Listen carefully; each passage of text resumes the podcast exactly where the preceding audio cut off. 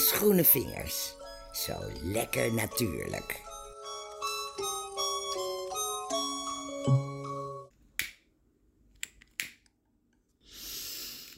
Hmm. Dit zou je even moeten ruiken. doe ik elke ochtend. Heb ik het over salie. Ik brand salie. Vind ik zo lekker. Ik loop regelmatig even naar de moestuin om salie te plukken. Dan zet ik er thee van of ik verbrand dus wat van die groen-grijze bladeren. Het ruikt heel sterk, maar dat vind ik juist lekker. Weet je trouwens dat salie de koningin van de geneeskrachtige planten is? In het Latijn betekent salie salvare. En dat betekent genezen, helen of redden. Eeuwenlang werd salie als een wonderplant beschouwd.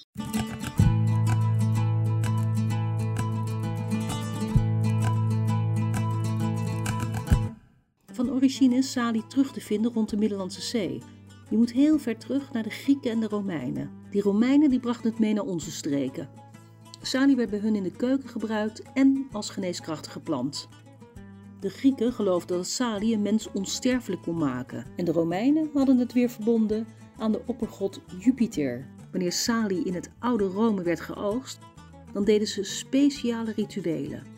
Salie mocht alleen maar geplukt worden door reine, op blote voeten lopende plukkers met witte tunieken. En ze mochten alleen bronzen of zilveren gereedschap gebruiken. En voor het oogsten dan kregen de goden en met name Jupiter een heel plechtig offer met voedsel en wijn.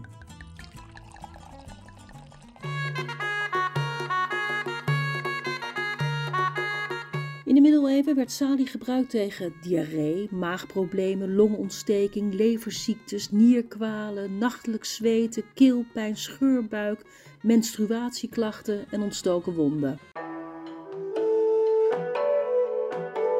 De Chinezen waren gek op salie. In de 17e eeuw ruilden Hollandse koopvaarders drie kisten Chinese thee voor één kist salie. Je kunt saliezaadjes zaaien, maar dat is meestal een heel gedoe en vaak ook niet echt succesvol. Stekken is veel makkelijker. En wat je dan het beste kan doen, is de uitlopers afknippen. Neem dan takjes van 8 tot 10 centimeter.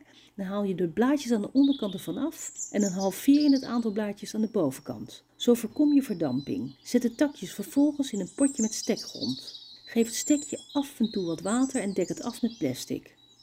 Als het stekje nou goed wortelt, dan zie je dat vanzelf, want dan groeien er nieuwe blaadjes aan. Dat is meteen een teken dat de salie is aangeslagen en dan kan die verpot worden naar een grotere pot.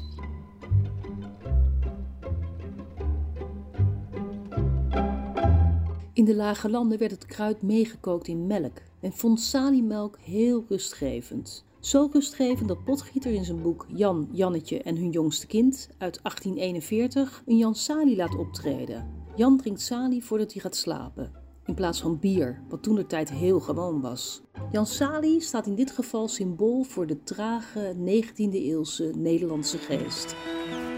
Are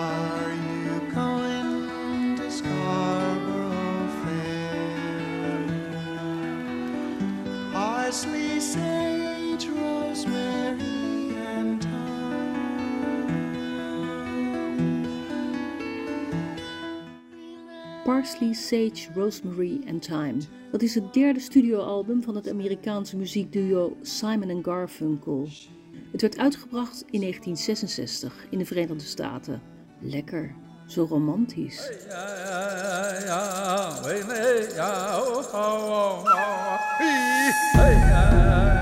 Er zijn ongelooflijk veel soorten salie.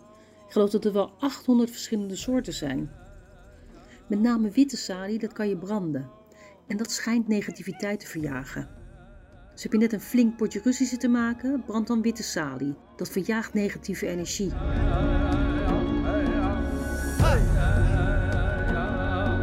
Witte salie werd door indianen gebruikt tijdens zuiveringsceremonies en het uitspreken van gebeden. Shamanen branden vaak witte salie en vragen positieve spirits om hulp en begeleiding. Het zogenaamde smudge-ritueel maakt verbinding met de natuur en geestelijke helpers.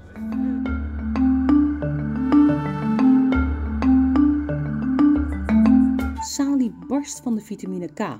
Weet je wanneer salie ook goed is? Als je wat ouder wordt. Nou, dat snap je wel hè. Ik drink iedere dag een kopje salie-thee. In salie zit namelijk carnosinezuur. Dat is een hele sterke antioxidant. Moet je wel even waarschuwen.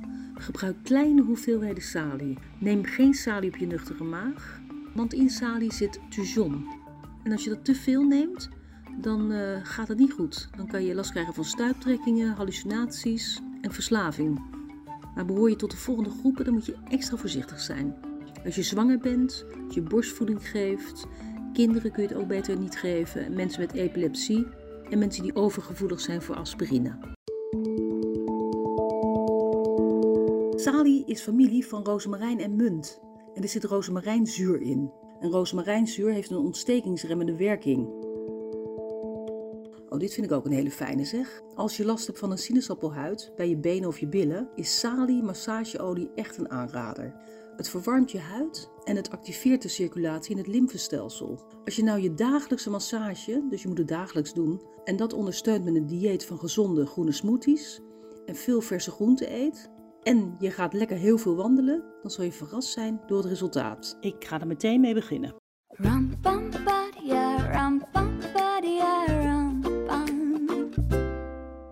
Veel kruiden helpen bij de vertering van eten. En van salie mag je nog een klein beetje meer verwachten. Ik eet zelf geen vlees, maar als je vlees eet, dan maakt het vlees lekker mals en zorgt voor de vertering van vetten. Zo voorkom je oprispingen en een opgeblazen gevoel. Dus dan kunnen die rennies in de kast blijven liggen. Ik heb een lekker eenvoudig recept voor je. Pasta met boter en salie. Wat heb je nodig? 350 gram pasta, 4 eetlepels roomboter, zwarte peper, 12 blaadjes salie, 4 eetlepels gepelde amandelen en 160 gram pecorino. Dat is Italiaanse schapenkaas. Je kookt de pasta gaar in ruim gezouten water. Smelt roomboter in een pan op een zacht vuurtje, snijd de salie in reepjes en doe ze in een pan. Voeg de gekookte pasta erbij en meng alles goed door elkaar terwijl het op een zacht vuurtje blijft koken. Dan voeg je er flink wat zwarte peper aan toe. Je roostert de amandelen in een droge koekenpan Zet het vuur uit en verdeel de pasta over de borden. Verdeel er wat geroosterde amandelen over en lekker veel pecorino. En serveer dat eventueel met geroosterde groenten of een frisse salade. Eet smakelijk!